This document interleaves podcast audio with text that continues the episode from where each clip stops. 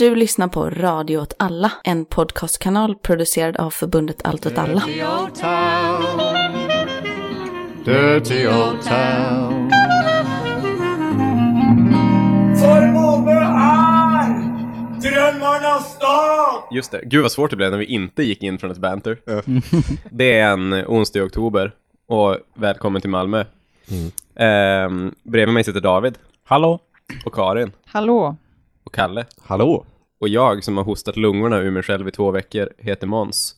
Eh, idag har ingen av oss någonting förberett. Det stämmer inte, två av oss har någonting förberett. Men de som sitter närmast mig, jag själv och Kalle, Vi, är- vi, vi, vi, är bara här för underhållningen. jag har, min förberedelse är att jag har läst ett stort, eh, ett stort så banter-lexikon. Jag, jag googlade på så quippy lines, eh, kul saker att säga när någon säger någonting. Eh, typ exempelvis VA? Menar du allvar?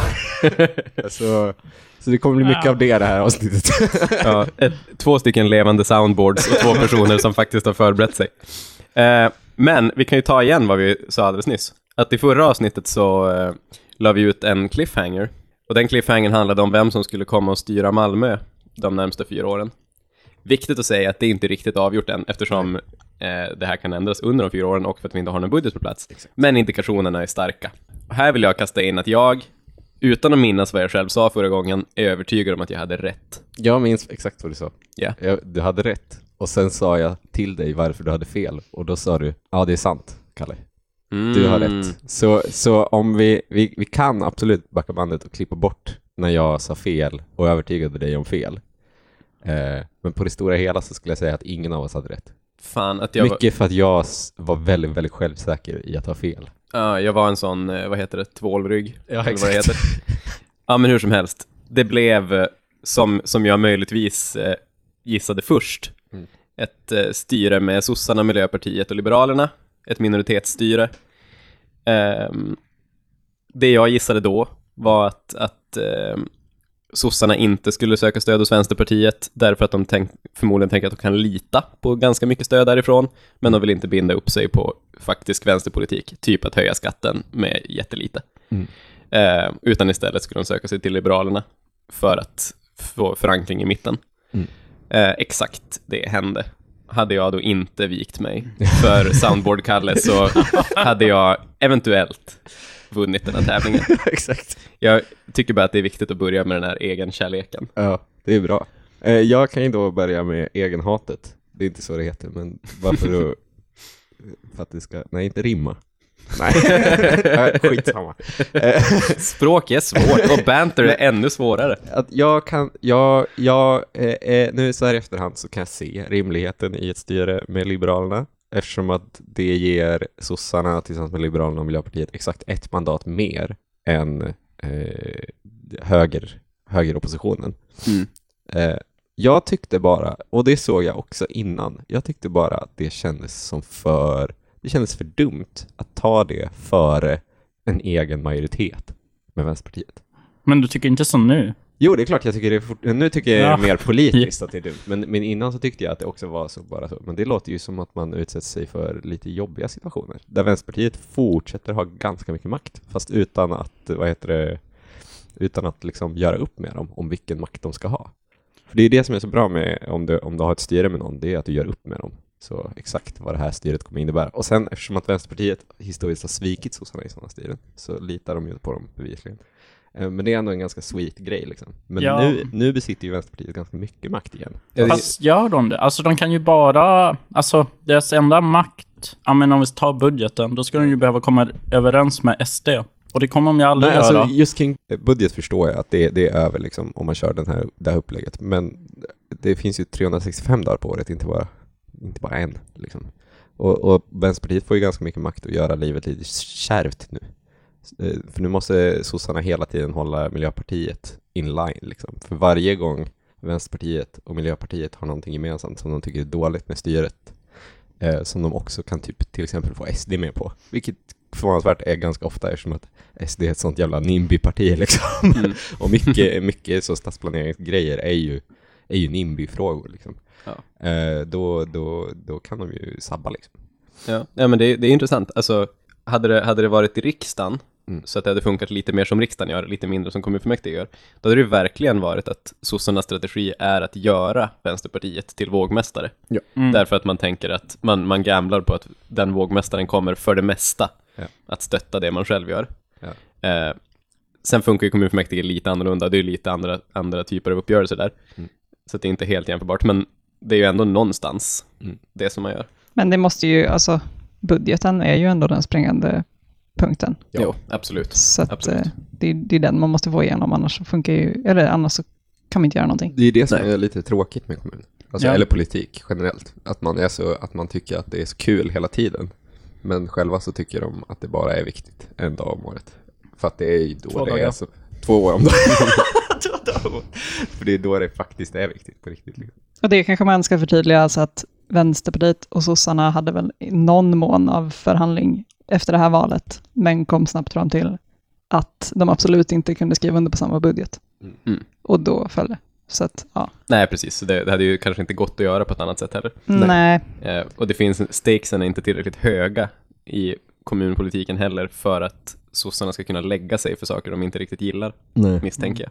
När det kommer till sådana saker som skattehöjninger till exempel, alltså som, Framförallt om, som du är har, symboliskt viktiga också. framförallt om du har rockokursar som Mm. älskar att lägga sig. Mm. Eh, eh.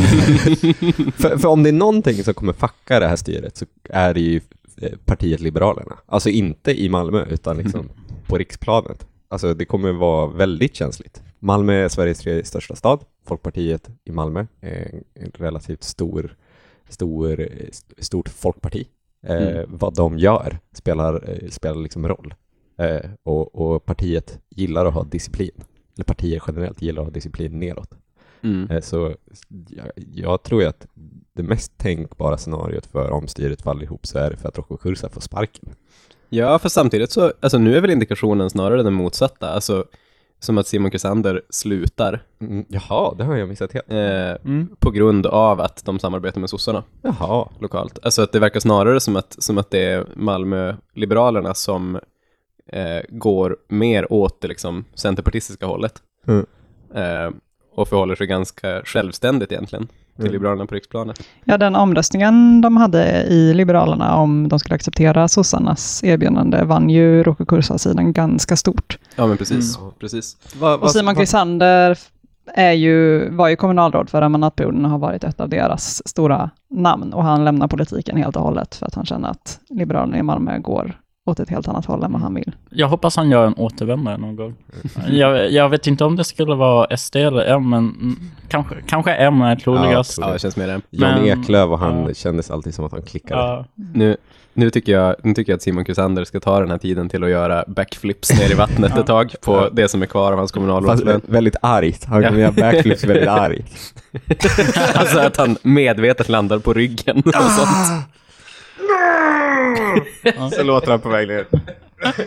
Eh, Det kommer ju, det är sannolikt kanske är förhandlingarna helt och hållet mellan, eh, i det här nya styret då, mellan SHL och MP inte helt klara, kan man tänka. Nej, det kan man ju Eh. De har uppenbarligen eh, eh, kommit överens om att i alla fall ha en gemensam budget, där de ger och tar.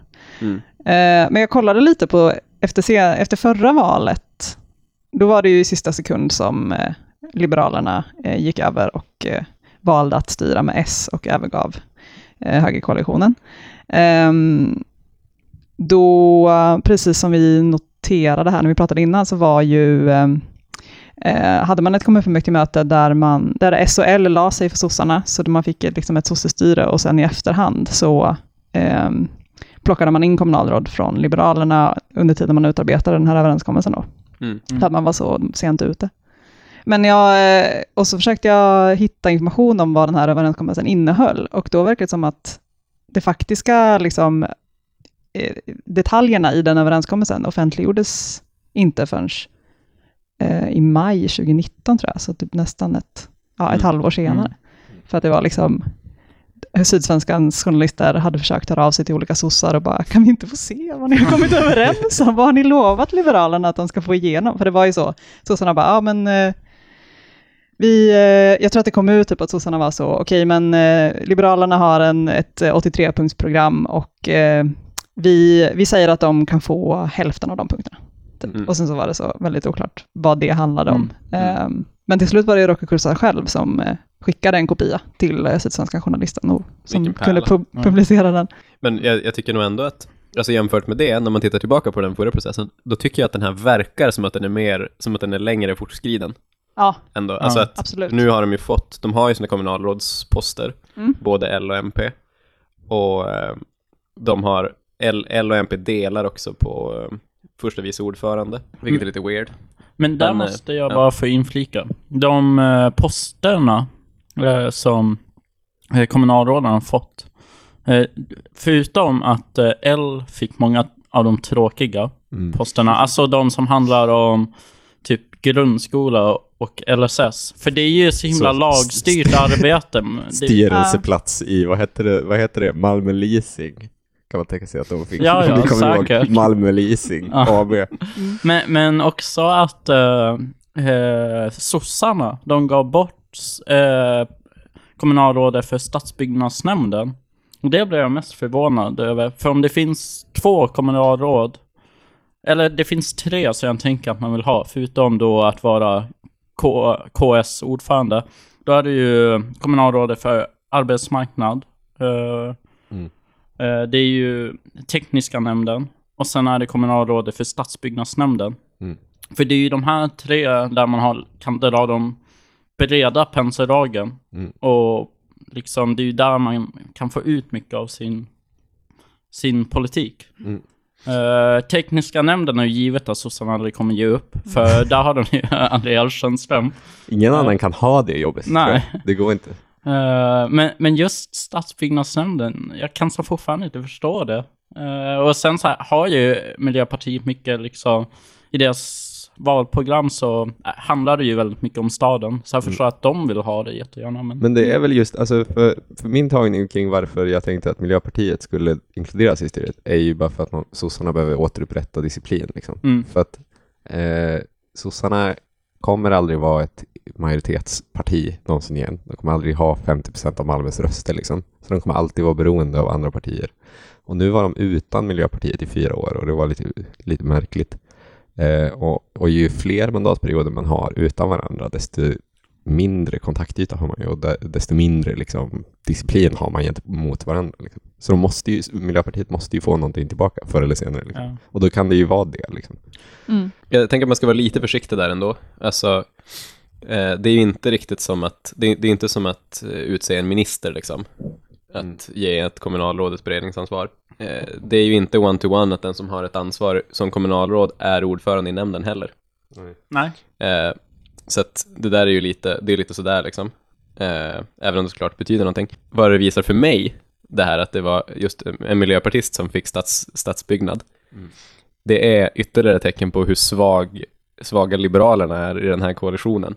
Mm. Alltså med tanke på att den enda liksom, stridsfrågan som skiljer Miljöpartiet och Liberalerna från varandra är just de här trafikfrågorna och stadsbyggnad i, i eh, de centrala delarna av stan och sånt där. Mm. Och är väl överhuvudtaget en frå- ett, ett av de här områdena där Miljöpartiet sticker ut lite mer från de andra. Ja. Så på det sättet är det lite roligt om man som någon slags kremlolog ska försöka, försöka att luska ut Mm. hemliga tecken i allt det här. Ja, men man kan ju där också, just på det du sa om att eller Liberalerna är så svaga.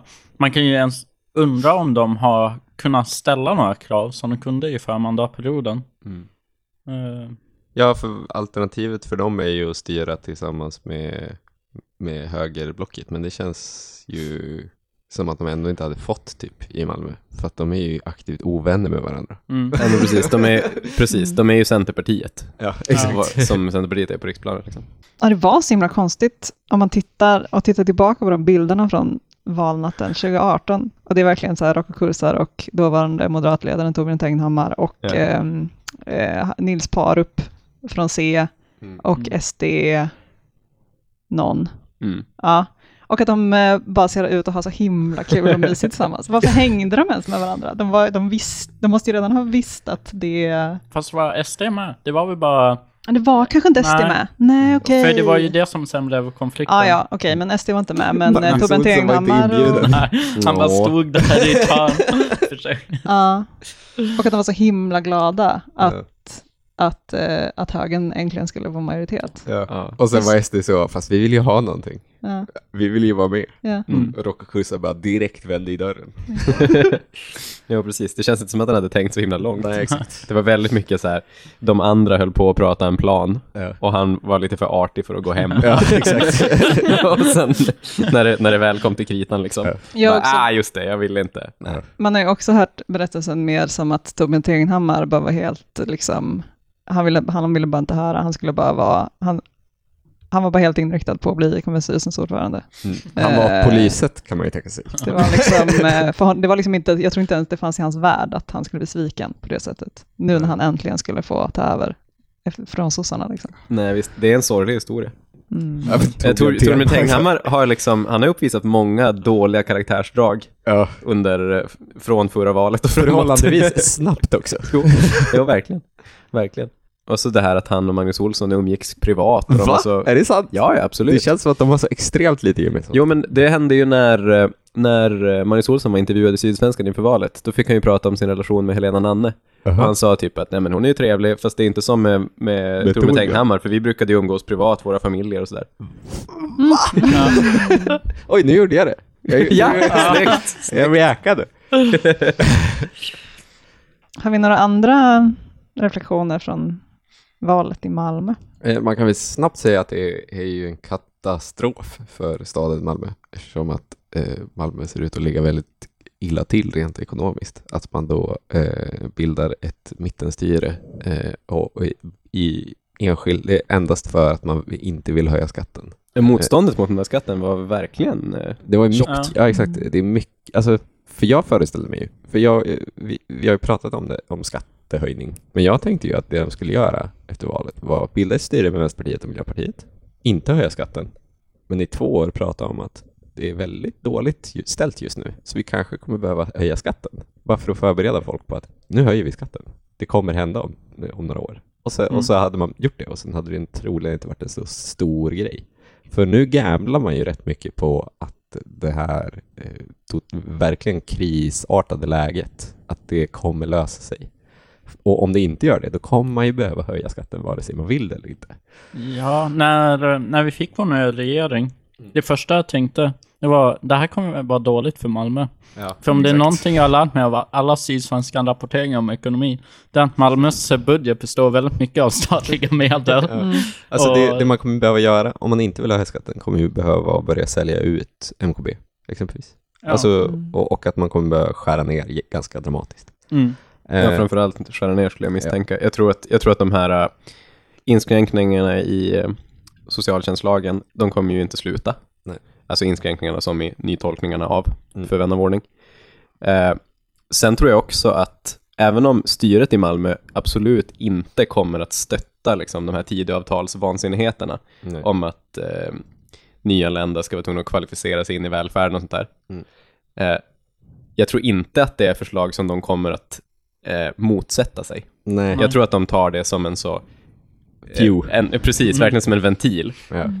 Eh, att vi kommer inte vara tvungna att skära ner så mycket som vi skulle gjort annars. Därför att nu kom staten och bestämde att vi helt enkelt inte behövde ge pengar till folk som behövde det. Ja, Mm. Eh, vilket ju liksom är mörkt på ett helt annat sätt. Mm. Eh, och som sagt, det är ju inte, det är ju inte att säga att de som kommer styra Malmö kommer vilja ha den politiken, men de kommer inte vara ledsna över att den finns där, Nej. eftersom det någonstans tillåter dem att fortsätta med den ganska konstiga politiken. Men jag, jag ser ju framför mig att eh, allt bara blir ännu sämre de nästkommande två, tre åren och att vi då ändå höjer skatten 2025 typ. Ja, det känns ju som att det kommer behövas. Alltså, Ja. det, också den här, den här typen av, av borgerlig regering som vi har just nu, den kommer ju inte, så vitt jag vet, om jag inte verkligen har missat någonting i Tidöavtalet, den kommer ju inte att prioritera ehm, omfördelning i kommunala budgetar. Exakt. Eh, det är ju en klassiskt moderat nej, nej, nej-fråga. Liksom. Det är bara ett av jättemånga sätt som Malmö specifikt eh, kommer att drabbas hårt av det här avtalet. Mm. Alltså, om man också tänker att stora delar av Malmös befolkning, eller Malmö har kanske den största koncentrationen av de befolkningarna Mm. som Tidöavtalet riktar in sig på. Det, det kommer ju det kommer ju ske en massa förändringar som kommer att påverka, eller kan ju i alla fall ske en massa förändringar som kommer att påverka Malmöbor på ett väldigt direkt sätt. Mm. Eh, mycket mer än vad det kommer, kommer påverka folk på många andra ställen. Mm. Men det är ju ett, man ser ju att det kommer vara ett hål nu nästa år på, vad är det, 825 miljoner eller någonting. Mm. Ja. Eh, så det är ganska mycket pengar. Eh, så man kommer ju skära ner inför nästa år, tänker jag. Och det var inte länge sedan, det var inte så många år sedan man gjorde ganska kraftiga nedskärningar, så där går ju fram och tillbaka. Liksom. Men det är också apropå det här med att här, kunna typ ha lite eh, framförhållning i sin politik. Typ. Det, är också, det känns också som att den situationen som har kommit upp nu i budgeten inte har varit så jättelätt att förutse. Typ. Ehm, och det som händer nu, man tittar på vad eh, Sveriges kommuner och regioner säger, eh, så har ju deras eh, direktör, eller vad det är de har, deras högsta chef nu i dagarna gått ut och sagt att kommunerna är i sånt läge nu att vi, vi måste på allvar se över balanskravet. Alltså att kravet på att kommuner år till år ska liksom balansera sin, sin budget, alltså det ska vara noll. Många kommuner gör ju inte det och bryter ju då mot lagen år efter år för att man, eh, eh, har, man skuldsätter sig helt enkelt. Men så det där är ju också någonting som kanske kan komma att bli en, alltså, eller förhoppningsvis då blir en nationell eh, debatt om, om hur man ska reglera kommunernas ekonomi. För att det är det som är grejen att så här, eh, nu hade man under pandemin, eh, trots att man trodde att man hade förutsett att det skulle bli jättetuffa tider för kommunerna, så under pandemin så gjorde, de, gjorde man jättemycket, gick man jättemycket plus istället. Mm. Men det spelar liksom ingen roll. Nej, Det spelar lite roll om man sparar pengar. Man kan ta lite av de sparade pengarna och så vidare. Eh, men, eh, men man kan liksom inte säga så här, nej men det här året får, det, får vi gå minus. Nej, men precis. För det får man liksom inte. Men det finns inget skäl till det. Mm. Alltså rent krasst så, Ja. så spelar det ingen roll. Nej. Men, ja. Nej, nej precis. Eh, Jag, jag tänker att det där borde komma upp mer, alltså för att det har ju kommit upp på riksplanet också. Alltså att, att statens eh, egna budget Mm. ska kunna fungera mer på det sättet. Mm. Och jag menar när vi lever i den här jättemärkliga liksom end, end days-tiden som vi lever i just nu, där vi har liksom en makrokris i månaden, typ. Då blir det plötsligt ganska svårt att planera långsiktigt. Om vi tänker att nästa år så kommer gräshopporna, då måste vi ta höjd för det och sen så kommer liksom... Kanalen är fylld av blod. Ja, ja, precis, precis. Det regnar grodor. Jag har ju faktiskt en nyhet eh, lite på det här temat, kanske Ja. framförallt för att den handlar om duvor, men kanske också för att den handlar om apokalypsen. Ja. Eh, om ni ser ovanligt många duvor som ser ut att må väldigt dåligt runt om i stan och sitter och, och är helt eh, lealösa på gatan, så är det för att det går en parasit bland duvbefolkningen i Malmö nu Nej. som heter gul knopp. Nej, vad gulligt. Ehm, det är inte alls gulligt. Nej, det ser men ganska äckligt ut. det kan jag tänka mig, men namnet Ja. är okej. Eh, absolut. Så det är ovanligt hög dödlighet bland duvorna i Malmö nu. Eh, ser man en duva som ser väldigt sjuk ut kan man ringa till fågelskyddet i Spillepengen. De kommer sannolikt inte göra någonting åt det, för de får så himla många samtal. Det Mm. är väldigt många duvor som mår väldigt dåligt. Och när de väl är så sjuka, då finns det ingenting man kan göra åt det, så de kommer ändå bara avliva den. Vad, Så det är alltså helt meningslöst att ringa dem. vad brukar de göra på det här? Vad heter de? Fågelenheten? Heter det så? Fågelskyddet? Fågelskyddet i Spillepengen, vad brukar de göra Jag en vet. vanlig dag? Jag vet inte. Det undrar jag också. Alltså, jag antar att de jobbar i det här, det är ett stort fågelskyddsområde som ligger där Ah. i Lommabukten. Ah. Eh, så jag antar att det är någon sån här miljökontoret, människa från Arlöv som Mm. eh, jobbar med att Men jag tror att en del av deras verksamhet är att ta hand om fåglar som är skadade Ja, måste sjuka som folk hittar ute. Liksom. Mm. Just det, apropå, apropå att Malmö stad gör det jobbigt för sin, eg- sin egen befolkning. Vi har inte ens berört det här att de som vanligt inte har några härbärgesplatser, Just det. eh, men att de den här gången har det ännu mindre. Eftersom de inte hittar någon som vill upphandla tjänsten, Ja. eller som, vill, eh, som de kan upphandla tjänsten av. Och Mm. att eh, de, de som faktiskt har härbärgesplatser håller på att byta lokaler och har sig. Ja, just det. Det var ju en väldigt eh, ball intervju i Sydsvenskan med några hemlösa som, Mm. som sa Mm. ja men vi kommer bara ta vår kofot och så kommer vi bryta upp eh, porten till någon villa och så kommer vi nog sova där. Det kommer, det kommer nog vara det som krävs. Ha det bra! Just det. Känns på något sätt rimligt. Ja, ja, ja. ja men inte, man ska inte så här hålla på att vara accelerationist. Nej. Men eh, det blir ändå lite mer spännande när folk inte kan få sina allra eh, liksom, mest centrala behov tillfredsställda. Ja. Men, Det, ser till att tillfredsställa dem ändå. men det blir ju, alltså det här med, eh, med fri marknad blir väldigt, väldigt tydligt dumt. Ja, det blir otroligt Ja. dumt. Eh, eh, ju- just att kommunen inte har några egna härbärgen utan måste upphandla tjänsten. Mm. Det är Det ju är väldigt dumt. konstigt. Jag undrar också lite hur de där kontrakten ser ut, för att mitt intryck av den här, det här varvet är ju att de upphandlas säsong för säsong. Mm. Och det känns ju också jävligt dumt med tanke på att, som vi har sagt många gånger när den här frågan har dykt upp, att det är ju vinter ganska ofta. typ en gång om året. Ja. Och att den sker med rätt stor förutsägbarhet också. Ja.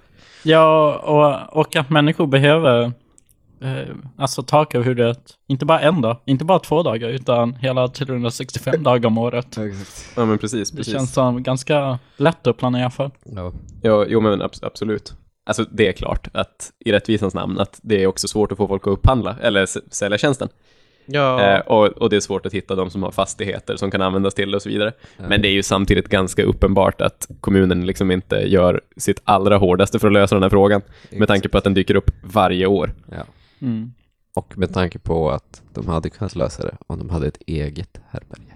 Ja, ja, men abs- Ja. absolut, absolut. Eh, och att de, att de förutom att de alltid failar med att lösa det, också får svin mycket kritik varje gång de failar att lösa det. Ap- jag har nu, apropå den här he- hemska, hemska historien, så har jag en väldigt vagt kopplad historia, som jag heller inte har fått bekräftad, för det var alltså att, eh, att eh, en vän skrev till mig väldigt, alltså på vägen hit. Jaha. Ni minns kontrapunkt? Mm. Mm. Eh, Nu skapar jag kopplingen här. Kontrapunkt huserade länge hemlösa. Just det. Superbra, superviktigt. Mm. Eh, sen försvann kontrapunkt på grund av massa olika skäl. Eh, ni vet Catalan som var med i kontrapunkt, som Ja. är en sån Malmö-profil. Han går runt och affischerar, cyklar runt, affischerar. Eh, det är hans jobb. Han, han är tydligen med i Tunna blå linjen och citattecken spelar sig själv. Och då kände jag. Tunna blå linjen, där vann ni mig.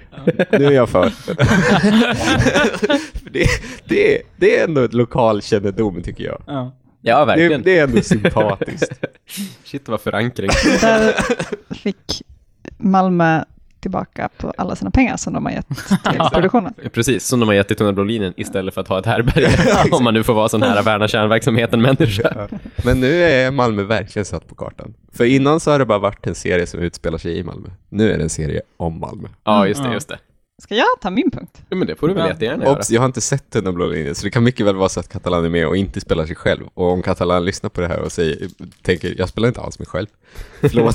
Det kan mycket väl vara så att han är med och spelar huvudrollen. och på något sätt så har man missat det här. Ja, så att eh, om man vill, eh, vad är det, tre säsonger man måste trycka. ja, det Det, det låter asjobbigt, jag kommer inte göra det. Eh, Karin, du hade en punkt. Ja, jag kallar den kommunala styren, bindestreck, ett nationellt sammandrag. Är det, är det titeln på din prata? Ja. Eh, Jag var tvungen att teckna en prenumeration på Dagens Samhälle idag. Här vill jag gärna klippa in häxskratt från Carina Nilsson. Eh, det kan också vara ett burkskratt vi kan använda i hela avsnittet.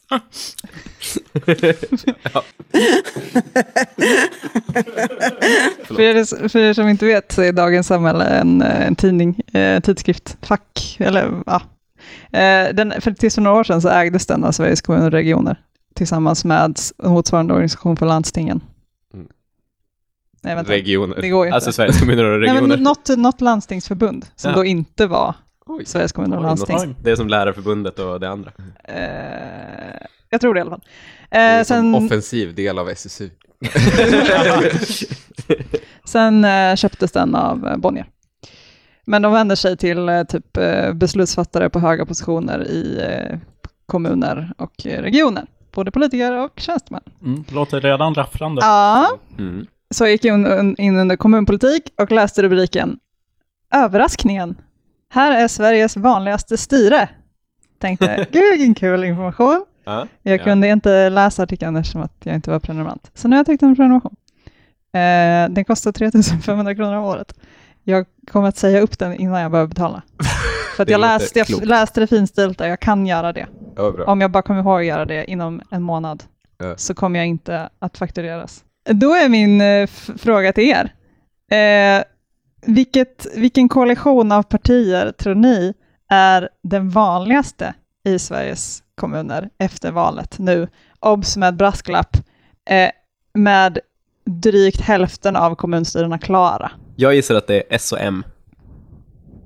Jag ska också gissa på det. Ja, Ingen tar chansen att säga något som är fel. och, och sen få, få ett roligt, roligt Carina Nilsson-burkskratt på det. Det är S och M som är det vanligaste styret. Eh, det näst vanligaste är C, KD, L och M. Okej, det är faktiskt förvånande. Men det är väl eh, Stockholms eh, borgarförorter exempelvis. Ja, där är ju- Skåne. där är ju. Men Skåne. generellt så är ju, alltså generellt är ju rätt få kommuner, rätt få kommuner traditionellt borgerliga. Ja.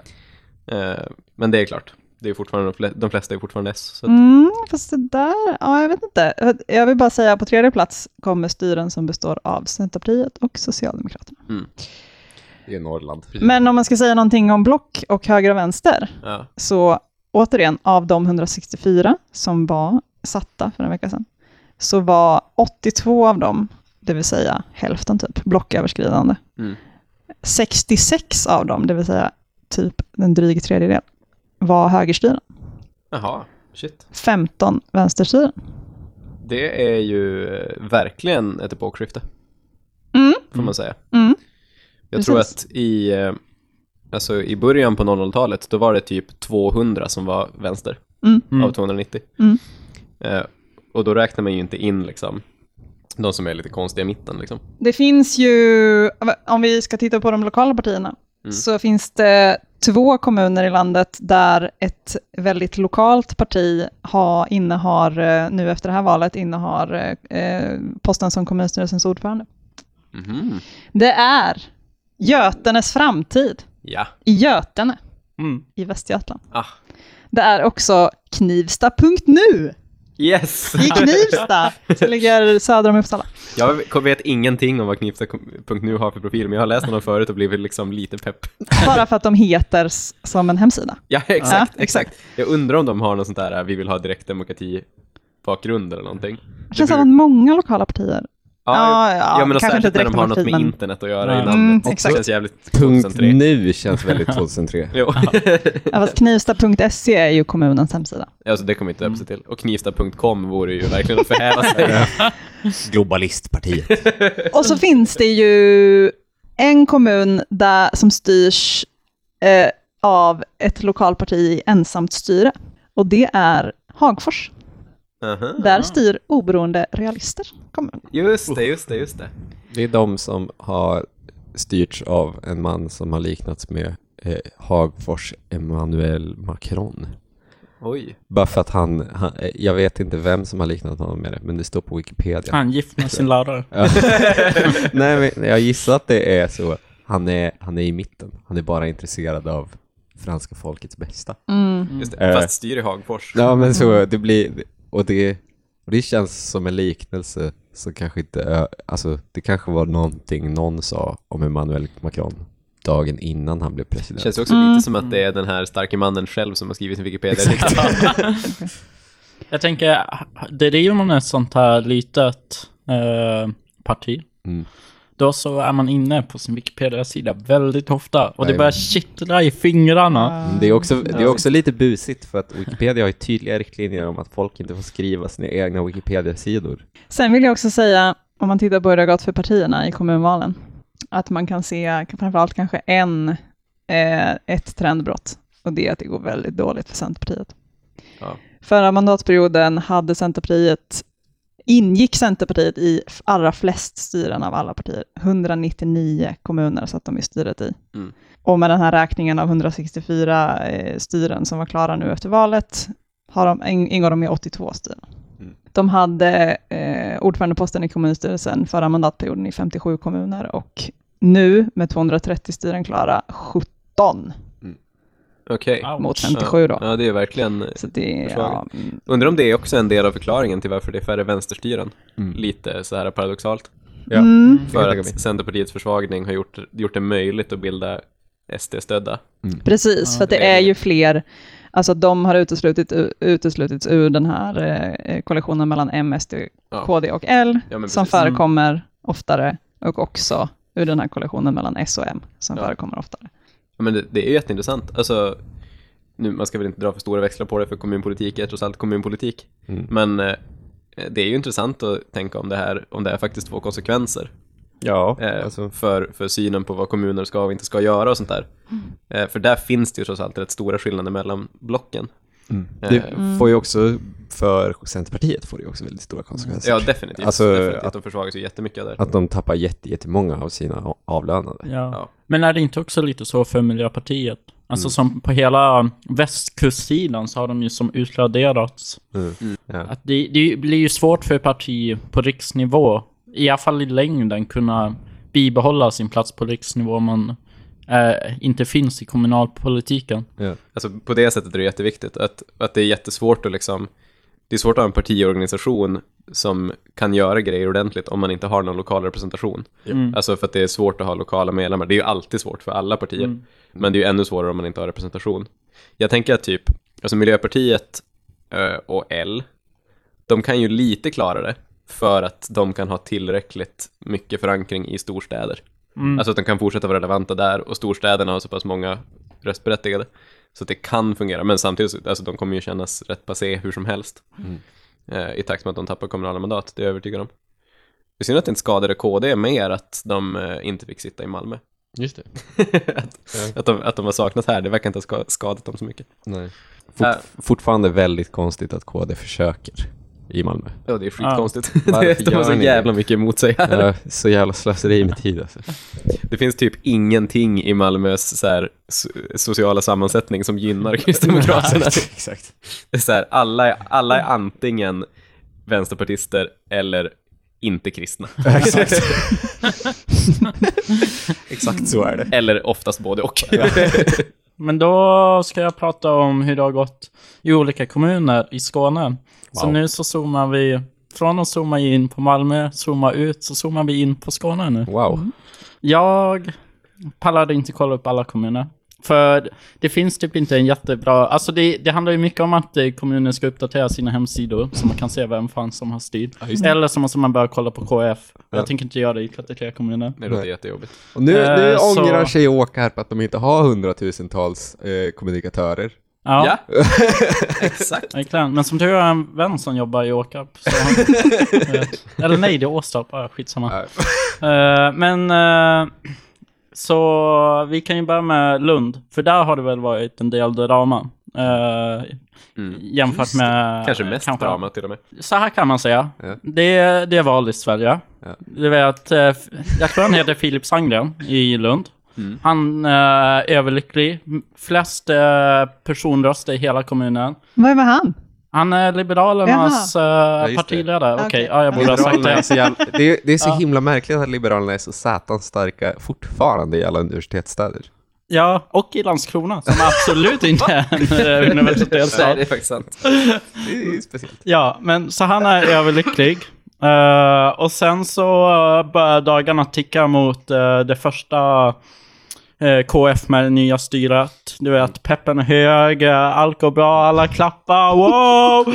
Eh, och sen typ två dagar innan så eh, går Moderaterna, sossarna, ut att de ska bilda ett gemensamt styre Nej. tillsammans med KD. Ett starkt dolkstöt rakt i ryggen. Japp, japp.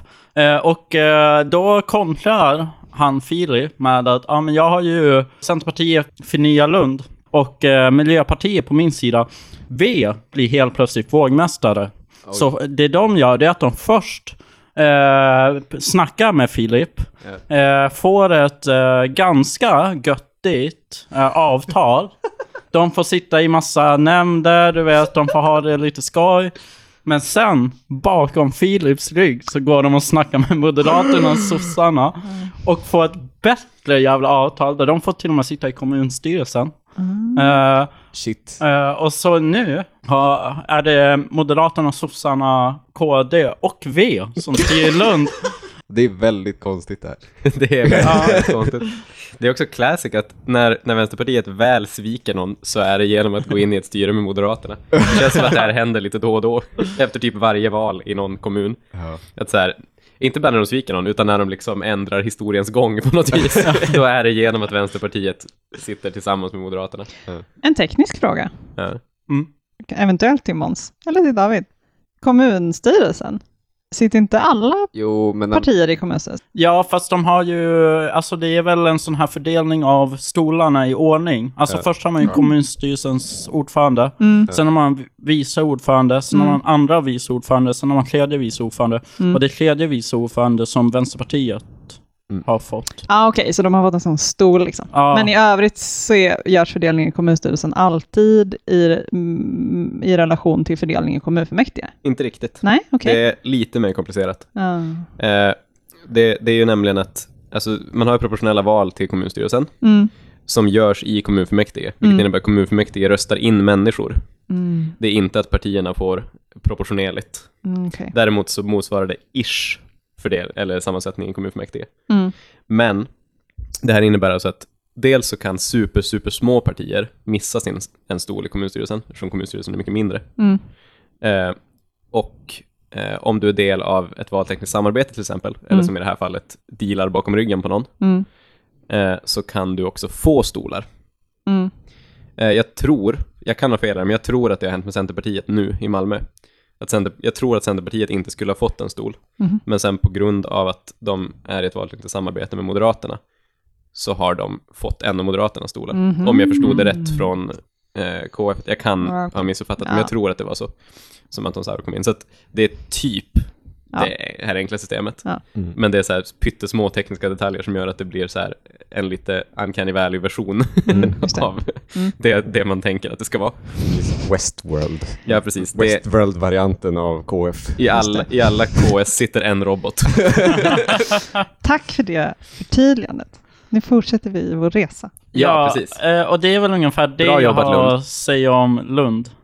Ni Det är väldigt svårt att säga huruvida det här är king eller o-king av Vänsterpartiet Lund. Ja, Det kan verkligen jag vara- vet verkligen inte heller ni- vad jag ska känna. Alltså, tror ni, tror ni att Lund liksom gör någon politik som är relevant överhuvudtaget? Det kan mycket Egentligen. väl vara så att det enda det här kommer betyda kommer vara så typ eh, eh, att, att nam- någon gata kommer, för de gillar ju sådana väldigt symboliska saker i Lund. Och spårvagn i och för Ja. Det Ja, kommer, men de på gillar- något sätt kommer det avgöra hur spårvagnen dras. Men de gillar anrika saker, de Ja. gillar gamla saker, spårvagnar exempelvis. Så jag kan tänka mig att det kan vara något så. Eh, eh, Och nu har vi döpt den här, den här kullerstenen efter någon känd socialist som var med och bildade Clarté. Ja, sånt. förmodligen. Det- Det, det om- tror jag 100% att det kommer vara. Ja, om det är det ni får, då är det oking. Det kommer vara, de kommer sätta, kommer sätta upp minnessten för den där gången som husockupanterna eh, t- eh, smorde in sig själva i olja så att poliserna inte skulle kunna fånga deras nakna kroppar. Jag är ganska säker för övrigt på att en av de skyldiga till det här är en ganska trogen lyssnare. Eh, slog mig nu. Jaså? Eh, för att, eh, f- ja, jag tror det. till, eh, till att he, he in olja i sig själv? Nej, nej, alltså eller? till, till Vänsterpartiet Lund. Då förstår jag. Eh, Då var det King. Då var det troligen King. Bra jobbat. Ja, Fortsätt precis. lyssna. precis. Eh, och eh, i övrigt i Skåne så ser det ut just nu som att eh, SD kommer styra i sex kommuner. Svalöv, Bjuv, Åstorp, Hör, Hässleholm och, nu måste jag kolla på mitt fuskblad, Örkelljunga. Eh, och då, jag inte, ja, de har lik, de flesta av de här kommunerna missade jag att kolla hur det hade gått 2018-valet, men i Åstorp i alla fall så har de bytt från att vara ett så här alliansstyre med stöd av SD till att bli ett, nej, med stöd av SD till att bli ett SD-styre. Mm. Just det. Det är väl en, en sån gradvis förskjutning då, för det, Åstorp har väl varit ett sossefäste? Ja, Ja, men ja, fortfarande gud, ja. typ 40 procent. Ja, ja, men precis, det var det jag hade för mig också faktiskt. Ja. Så att man har gått från att vara så här, eh, verkligen Tage Erlander sossekommun Ja.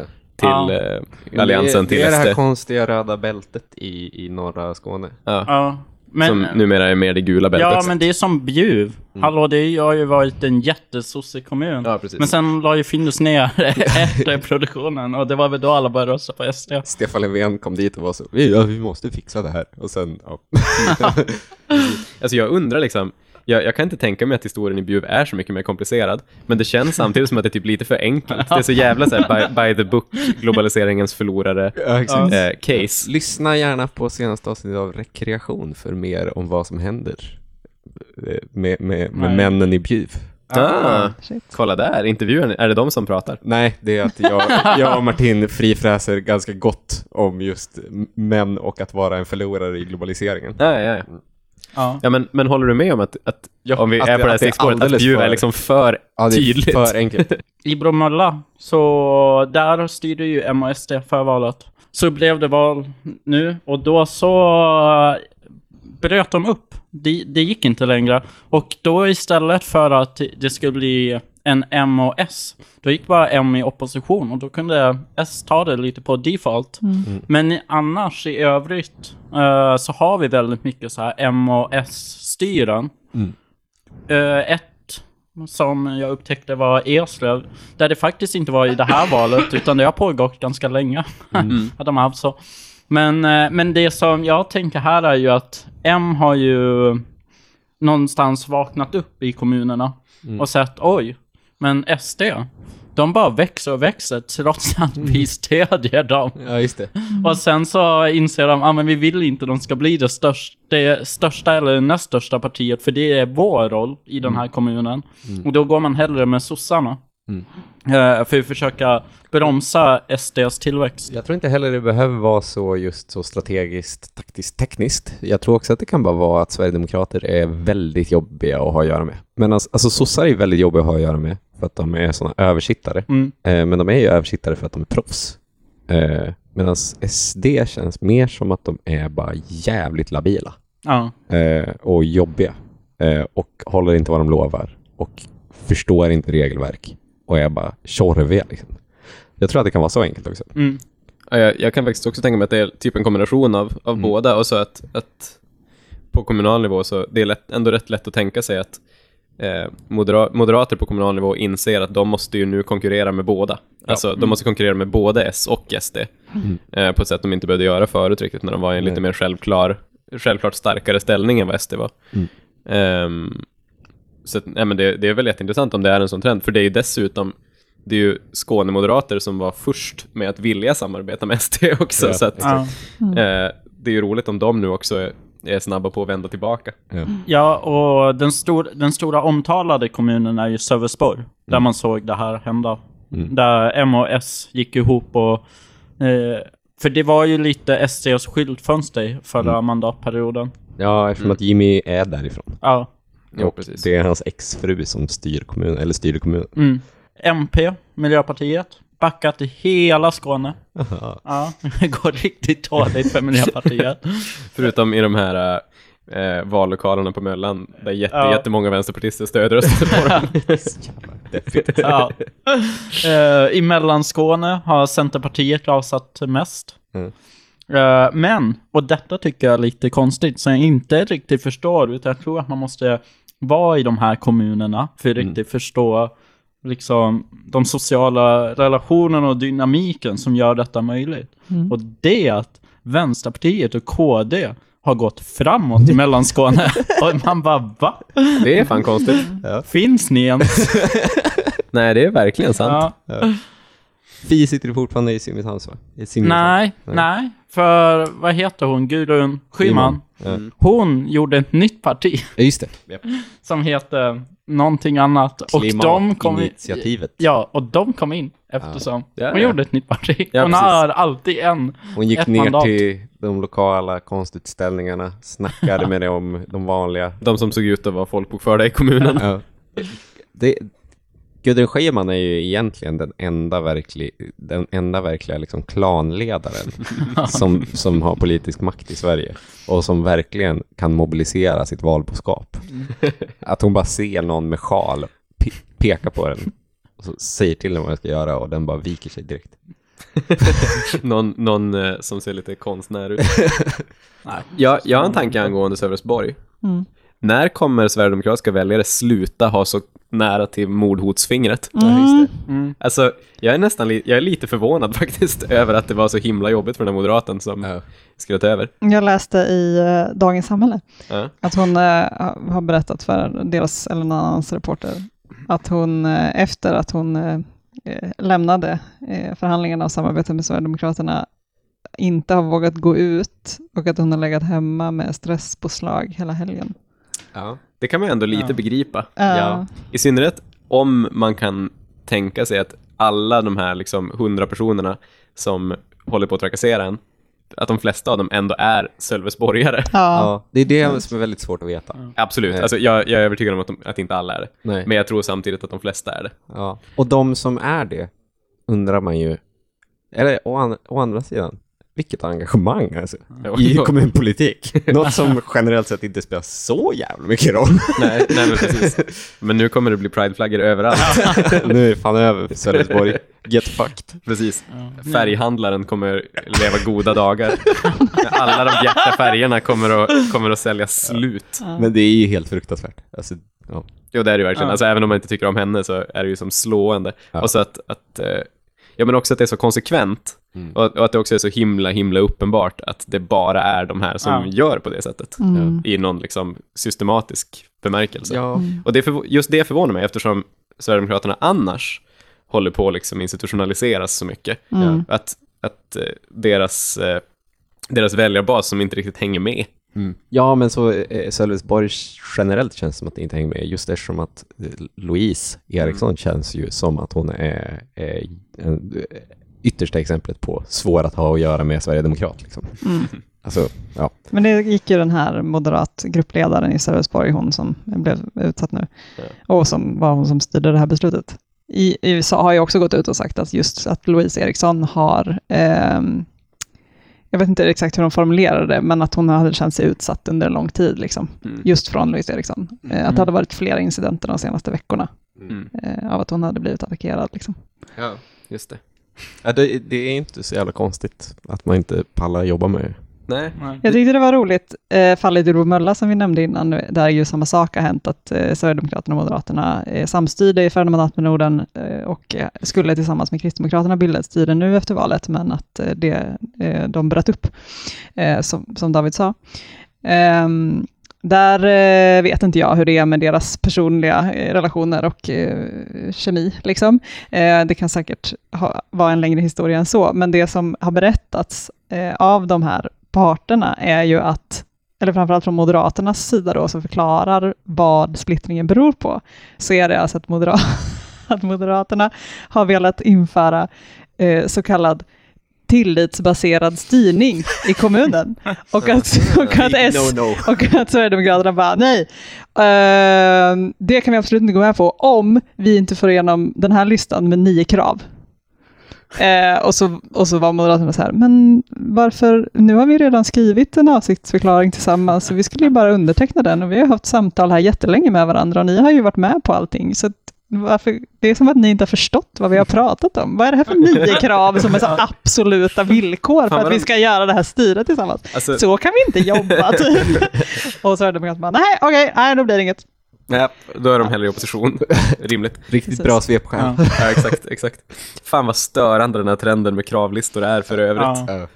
Eh, för att det känns som så, det är så jävla mycket spel för gallerierna. Ja. Alltså, från Bromölla upp till Tidöavtalet liksom. Mm. Att istället, istället för att komma överens här lite informellt så ska man, måste man sätta fram ett program med så många punkter som möjligt. Mm. Som inte på något sätt är bindande. Men, Mm. men, Men som, Det är ju också, jag vill bara nämna, det är ju Moderaternas berättelse av det som har hänt. ja. just det, Ja. i public service anda så Ja. kan det mycket väl vara så att SD la fram sin niopunktslista just innan det här. Ja, SD så kan det vara. Bromölla är inte Så kan det här och kan Moderaterna i. Bromölla kan vara Precis. idioter. Jag tänker, jag tänker nu förutsätta lite taskigt att eh, sverigedemokratiska kommunpolitiker... jag disclaimer att det här är taskigt. Ja. att jag tror att de är lite mer loose cannons.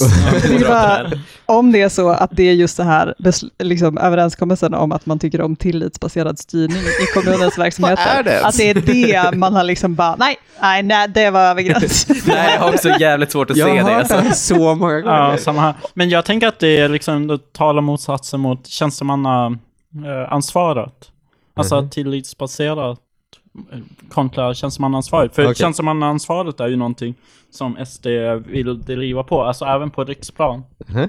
Eh, Jag tror det ingår i det här Tidöavtalet. Mhm. Vad betyder Eh, det? Ja, men det är, eh, det, är, det är ju liksom inte, det är någonting som har funnits i Sverige och någonting man vill ta tillbaka, men man har inte formulerat det så exakt Mm. i den här gången att man kan helt säga vad det betyder. Men som jag förstått så betyder det att tjänstemännen liksom ska kunna ha nästan ett straffrättsligt ansvar eller Mhm. ett så här skäl till uppsägningsansvar ifall eh, de beslut, tar beslut som kanske eh, påverka den kommunala budgeten. Eller alltså det här, man, ja men SD alltid pratar om att eh, man inte ska slö, slösa skattepengar. Mm, okej. Alltså, Ja, Det blir de lite relaterat, men jag tror, för jag har ju ny, nyligen skaffat mig väldigt mycket erfarenhet av att läsa jobbannonser. Ja. Och det här med tillitsbaserad styrning är ju återkommande. Ja, Mm. Det är en trend tror jag. Ja, eh, och så vitt jag förstår det, i i det sammanhanget så är det liksom ett sätt att beskriva att vi har en organisation där chefens roll inte så mycket är att styra, eh, detaljstyra det dagliga arbetet, Mm. utan alla medarbetare i verksamheten förväntas styra sig själva Ja, men det, det, och fatta beslut i den dagliga verksamheten utifrån deras roll, snarare än att det ska vara liksom väldigt tydligt vem det som något bestämmer man ska vara vad. för eller emot? Jag behöver, alltså för jag har skit... Nej men det är Vadå, jag det som är så kul! Men Det är vadå, det som är jag så kul. älskar tillitsbaserat. Det, Ja, det blir så- lite av en gråzon runt allting. Ja. Och sen kommer närman det med flextid. Du vet, det är helt perfekt. Jävlar vad gråzon som det man, ja, fan det är svårt. Alltså, som anställd så säger man ju ja på grund av det. Man säger också nej på grund av att man plötsligt det blir ju, och faktiskt, precis som Sverigedemokraterna också vill, så sätter det ju mer ansvar på den enskilda Ja, anställda än vad absolut. det gör annars.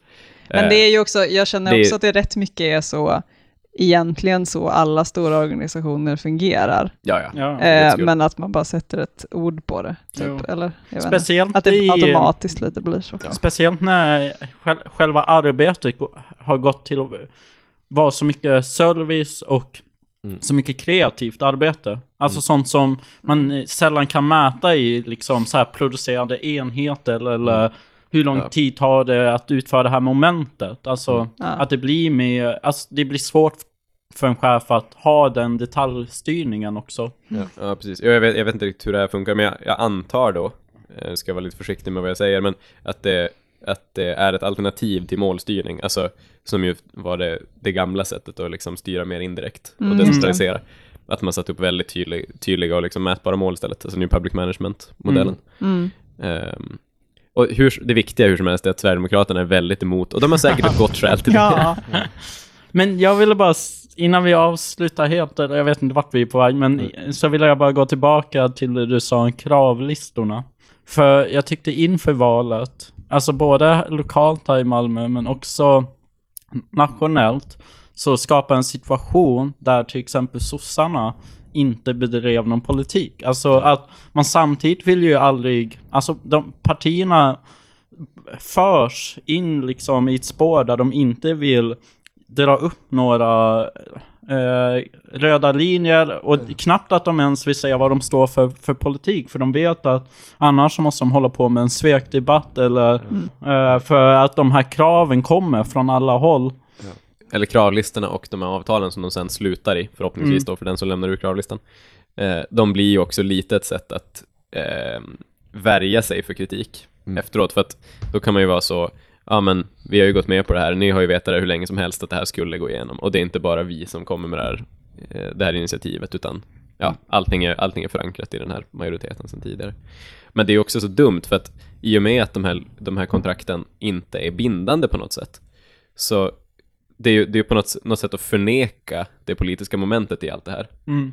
Alltså att, att, förvandla, att förvandla styrandet till någon slags policymaskin istället. Alltså att vi bestämmer oss vid ett datum för att vi ska genomföra de här 90 grejerna och så lurar vi folk att vi kommer att göra det.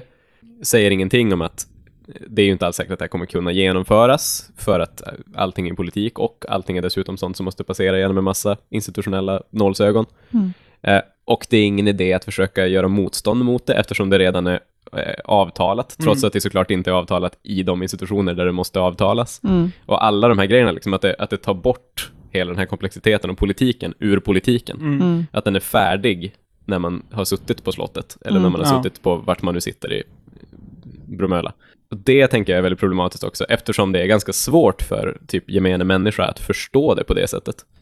Det är ju rätt lätt för en vanlig person att se ett nytt sånt här avtal och tänka, ja, det var det det blev. Mm. Och så stannar det där liksom. Mm. Medan man ju i själva verket eh, borde göra hur mycket motstånd som helst mot det. Även efter att man har sett listan liksom. Är vi... eh, Det hade kunnat vara bra avslutande ord, men jag vill bara säga en Ja. grej till. Och det är att ni som har väntat på Wise Dome Ja, just det. Ni har snart väntat klart, för Alltså. den är på väg. Jag undrar just nu vad jag väntar på. Ja, när jag samma väntar på det. Wise Dome, Wise Dome, det är den här domen. Kommer ni inte ihåg? Eh, nej. Ja, men de ska bygga en stor kupol där man kommer kunna titta på stjärn, stjärnor och grejer. Jag vet och inte. proje- Vadå, här i. Malmö? Ja? Mal- vi pratade om det här när det var nyhet. Jag tror att den lans- nyheten lanserades 2017. Ja, men Och då var det att. Malmö museer hade fått några miljoner från någon stiftelse för att bygga en så här eh, liksom domformad eh, skärm. Ja, Alltså när man sitter där inne så är skärmen eh, konkav, vad det nu är för någonting. konvex. I, liksom i taket och så där kan man visualisera olika så här vetenskapliga grejer och det är riktat Men det till kommer bli eh, som på barn och amerikansk ungdomar i film. någon typ Exakt. av Alltså att man utbildningsmiljö. sitter där och är bäng. Ja, för de ska ju legalisera marijuana i Tyskland snart. Och det är ju bara en tidsfråga innan det blir här i Sverige också. Mm. Då kommer vi äntligen kunna leva ut Ja. tidigt 00-tal Kanske, humorfilmer. kanske liksom eh, Malmö stad har bara känt av att vinden blåser 2017. Cheetos kommer bli finnas på Ica Söder alldeles strax. Apropå cannabis i Malmö, så alltså Malmö-metron, eller Öresundsmetron Ja. menar jag. Ja. Eh, har ni sett den nya nyheten? Nej, vadå? Att ett litet, litet, litet, litet halmstrå har nått eh, Malmö stad. Ja, jo, ja, Ja. jo, ja. Att Köpen, Köpenhamn utreder just nu två möjliga metrolinjer Jag där en av dem ska gå över Lynetteholm och i så fall komma nära Malmö, vilket kan innebära att vi kan planera för Malmö-metron så småningom. Ja, eller Öresundsmetron, jag säger alltid fel. Eh, jag eh, älskar den här frågan, Mm. därför att all rapportering om den handlar om att det har liksom kommit ett rykte på ett rykte på ett rykte på ett rykte Tror med ni- en stor dos hopp. Tror ni att Malmö Metro kommer vara samma som Öresundstågen? Alltså att man kommer få dricka öl på, på Malmö Metro om det är dansk personal? Just det. Men det är ju ingen personal i dem. De Ah, eh, Man är får ju alltid dricka öl. Man får alltid dricka öl. Fast bara under de 13 minuterna du är i Danmark. Annars annars Varför ska man det- inte få dricka öl? På, det, det finns skyltar i Öresundstågen om att du inte Ja, får men dricka är öl. inte det ett undantag Men- från all annan kollektivtrafik? Nej, alltså du får inte dricka öl på, på, Nej, på men man spårtågen heller. fick dricka öl, även om det var olagligt. För back in the days så hade de en liten eh, kafévagn de gick runt med på Öresundstågen. Mm. Och då sålde de eh, alkohol. Jajamän. Eh, Men du får ju dricka öl på bussen. Va? Får man göra Eller? Det är ganska Jag tror att man inte inte får. på Det, det är bara, Får man Nej, Nej. det är bara du som har druckit öl på Ja, bussen. det här är, det här Det är är, nu din det kommer fram. största last. Karin. Din största last. Måste alltid dricka öl i kollektivtrafik. Okej. Det, kan du, det kan du ta reda på. Jag tror inte någon bryr sig däremot. Nej. överhuvudtaget. Det är det. Jag måste berätta att jag åkte ett Öresundståg för några veckor sedan och eh, drack en öl på vägen. Mm. Och såg till att dricka nästan allting i Hallandsåsen Ja. som en eh, ritual. Ja. Det skulle jag göra om vi hade Öresundsmetron också. Bara, det är bara tillåtet under vatten. Ja. Eh, när ingen kan se din skam Nej, exakt. över att just bångade fyra Pripps blå. Ja, exakt. Exakt. Ja, men nu kanske. Ja, Nu är ja, ja, nu. Nu går vi och bångar fyra Pripps Blå. Hej då! Dirty old town. Och härmed så säger jag bye bye.